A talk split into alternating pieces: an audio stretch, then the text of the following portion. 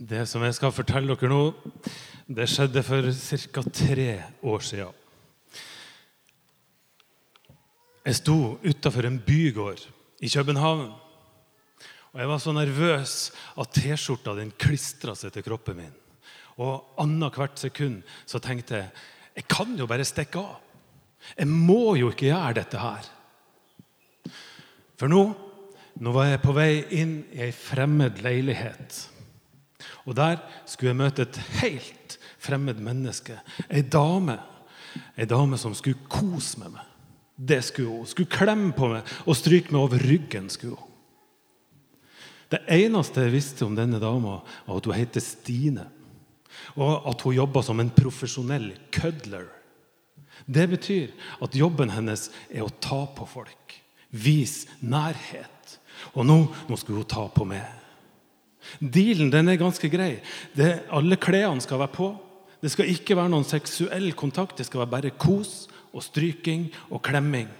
Og nå, nå er jeg på vei inn, og jeg har mest lyst å bare stikke av.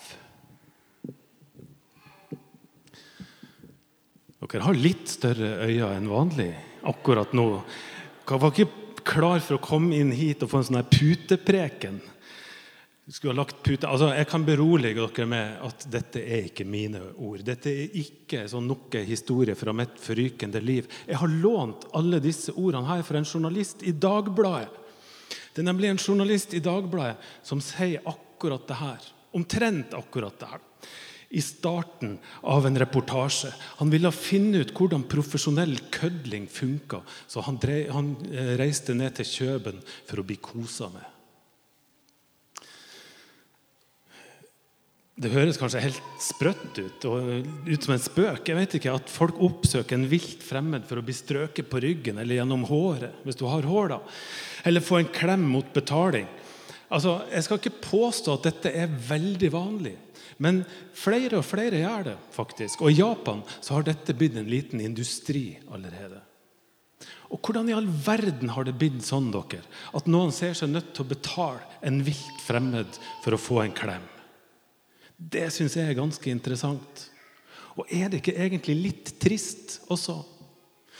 For nærhet det er jo helt basalt. Altså det er helt grunnleggende for oss mennesker. Vi kjenner jo til at spedbarn som ikke får nærhet, som ikke får fysisk kontakt, ja, de kan jo dø. Og vi voksne vi er like avhengige av nærhet. Ikke bare fysisk nærhet, men alle prosesser og alle handlinger som bringer oss nærmere hverandre emosjonelt. Smil, gode ord, tid, ærlighet, åpenhet, omsorg. Alle disse tingene gjør at vi kommer nærmere. Og vi trenger jo de greiene der. ikke sant? Denne reportasjen i Dagbladet den, den handler jo om den vanskelige nærheten. Og det som skjer når han journalisten kommer opp på rommet til Stine, så skjønner han hvor vanskelig det er med nærhet. For det han vil ha der og da, det er jo ikke nærhet. Han vil ha avstand til dette mennesket. Ikke ta på meg. Ikke se på meg, og helst ikke snakk med meg. Ikke ha noe med meg å gjøre. Det er hans spontane reaksjon. Han syns dette er blitt så ufattelig kleint at han bare vil gå. Og jeg, altså jeg er ikke doktor Phil, hvis dere husker han. Med dårlig, elendig eh, psykologi-TV fra klokka tolv til halv to hver formiddag. Dette kan jeg ikke mye om. Men jeg skjønner han der journalisten veldig godt. Nærhet det kan jo være så kleint. altså. Det kan være så vanskelig. Og nærhet kan være så risikabelt. Altså, Har dere tenkt på det? Når at en skal nærme seg et annet menneske, så er man jo så sårbar, egentlig. Et møte som er nært, det er jo ofte personlig. Kanskje til og med privat. Det står noen ting på spill når vi skal nærme oss hverandre. Og når du er på ditt mest sårbare eller mest personlige, ja, da er det jo helt forferdelig å bli avvist. Bli fortalt at selv om du betyr masse for meg, så skjønner jeg jo det at jeg betyr jo ikke en drit for det. Det er så tungt med nærhet av og til. Eller motsatt. fysisk og emosjonell nærhet det fører jo med seg at man får faktisk en relasjon til et annet menneske. Og plutselig så kanskje man er fanga i en eller annen forpliktelse som man bare ikke er klar for. Det er så mange grunner til at nærhet er komplisert. Og Derfor så tenker jeg at det enkleste det er jo å holde avstand. Da risikerer man ingenting, og det blir i hvert fall ikke kleint når man holder avstand. Men problemet med avstand dere, det er jo at det man holder avstand til, det får jo ikke noen betydning i livet vårt. Det er jo de tingene og de folkene man knytter seg tett på, det er jo de som får betydning. Hvis man holder avstand, så holder man også betydninga av disse menneskene eller disse tingene også på avstand. Og dette er poenget til Jesus, tror jeg, i den bibelteksten som Ellen Margrethe nettopp leste. Det er en liten tekst som er en liten del av en lang tale som Jesus holdt for en stor folkemengde. Og det er altså ikke milde Jesus som snakker denne dagen her. Det er sinte Jesus. Han er rett og slett ganske hissig. Jesus denne dagen. Og Han utfordra denne folkemengden til å tørre å kom nært han, i stedet for å stå i trygg avstand og bare betrakte alt sammen. Før vårt lille tekstutdrag så starter Jesus talen sin med å snakke om døperen Johannes. Dere dro ut i ødemarka, sier han. Og hva var det for å se Johannes? Og hva var det dere fant der? Jo, dere fant en profet. Dere fant det største mennesket som noen gang er født, sier Jesus. Og nå ja, nå følger dere jo etter meg. Og dere har sett det gang på gang. Jeg gjør massevis av mektige gjerninger. Gjennom meg så har Guds rike kommet til jorda. Og likevel så ser det ut til at ingenting av dette betyr noe for dere. Johannes betydde ingenting for dere, og jeg betyr ingenting for dere, sier Jesus til en stor folkemengde. Og så kommer vår tekst, der han anklager folkemengden for å slenge kommentarer i stedet for å velge nærheten. Om Johannes så sier dere at han har en ond ånd i seg. Og om meg så sier dere at jeg er en storeter og vindrekker, venn med tollere og syndere. Er det dette dere ser? Ja, da har dere gått glipp av en hel del. Og så spør han hva skal jeg sammenligne dere med. Jo, jeg vil sammenligne dere med barn som krangler og som sitter på torget og roper til hverandre. Vi spilte fløy, på fløyte for dere, men dere ville ikke danse. Vi sang klagesanger, men dere ville ikke sørge. Jeg er jo ganske sikker på Hadde Jesus snakka til oss, så hadde han brukt andre ord. Hvis dagens unger hadde sittet på torget og ropt til hverandre på den måten her, så tror jeg de ville ha sagt Vi har jo prøvd å bygge Lego. Vi har hoppa tau, vi tok fram Fortniten, vi har vært på fotballbanen. Vi har prøvd alt mulig rart. Men uansett hva vi finner på her, så vil dere jo ikke være med på leken. Dere har bare stått og sett på og kommentert hvor tåpelig dere syns dette her er. Det er sammenligninga til Jesus. Jeg tror den ville ha vært omtrent sånn i dag. Jesus virka frustrert og når vår tekst er over, ja, det blir ikke bedre, skal dere tro. Det blir verre. Her kommer han med noen voldsomme utbrudd. Ved dere, sier han. Han sier det ikke, han ropte ut. Og så nevner han navnene på alle de byene der han har gjort sine største under. Ved dere! Her har jeg gjort massevis av mektige gjerninger, men dere som bor der, vend ikke om. Dere står på sidelinja og slenger kommentarer som ikke betyr noen ting. Men når dere holder avstanden til meg, sier han, og til budskapet mitt, ja, da holder dere også Guds rike på avstand. Det er talen til Jesus. Og denne Sekvensen i Matteusevangeliet viser jo at Jesus han er ikke alltid snill og grei og koselig. For da han møtte mennesker som prøvde å framstå mye bedre enn det de egentlig var, eller folk som skjulte sin sårbarhet, eller brifa med rikdom eller et eller annet, ja, da konfronterte Jesus dem med akkurat dette. Og det gjorde han denne dagen. Dette er ikke greit. Men da Jesus møtte mennesker som torde å være sårbare, som kom med sine feil og sine mangler og sine skrubbsår, ja, da ble det aldri kleint. Men han sto og tok imot dem med åpne armer hver gang. med aksept, med omsorg, med nåde, med frelse. Og Når denne talen til Jesus er over, så er det akkurat det som skjer. I det neste avsnittet så har alt roa seg. De som hører på Jesus denne gangen, ja, de viser fram sine behov. De viser fram sine sår. Og hva er det Jesus velger å si til dem da? Og Da sier han, 'Kom. Kom til meg, alle dere som strever, og som bærer tunge byrder. Kom til meg, så skal dere få hvile.' Ikke bare stå der, men kom. Jeg har noen ting å gi til dere som ingen andre kan gi.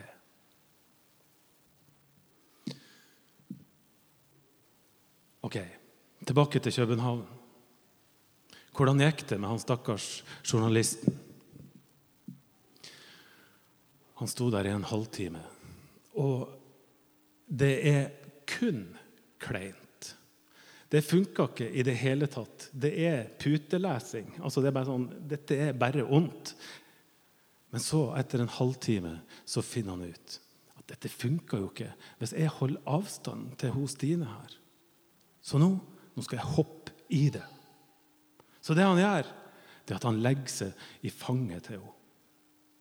Og så Når han ligger i fanget på henne, så legger hun den høyre handa på hjertet hans og den venstre handa på panna. Og så holder hun han tett inntil seg. Og så skriver denne journalisten at mens de ligger sånn, ja, så skjer det noen ting. Det skjer noe merkelig. Plutselig så føler jeg Ja, hva er det jeg egentlig føler? ro. Jeg føler ro, og jeg føler omsorg. Så skriver han om hvor mye han trenger å kjenne dette, at noen er nær. Og til slutt så oppsummerer han hele opplegget sånn. Han sier i dagene som kommer, så bærer det med meg opplevelsen. Og det er rart med det. At alt som skulle til for å tørke vekk mitt ironiske flir, det var at et fremmed menneske holdt rundt meg. Hva tenker dere om det der? Er det litt ekkelt? Eller er det bare fint? Det skal dere slippe å svare på, selvfølgelig.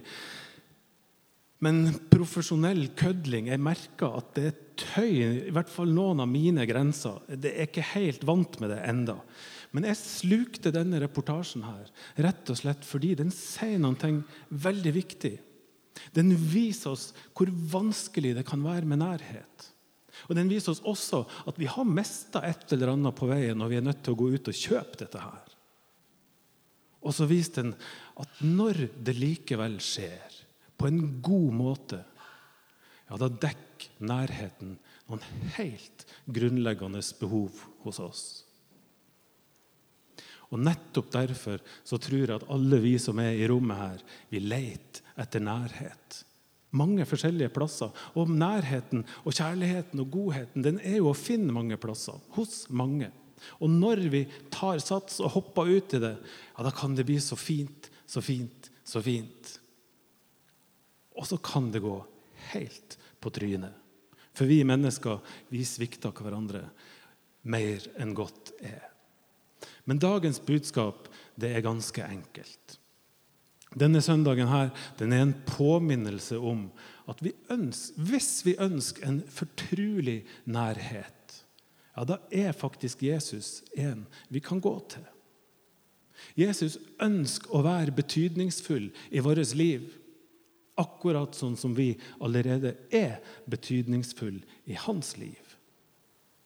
Og sjøl om nærhet både er vanskelig og risikabelt og av og til fryktelig kleint, så er det helt annerledes hos Jesus.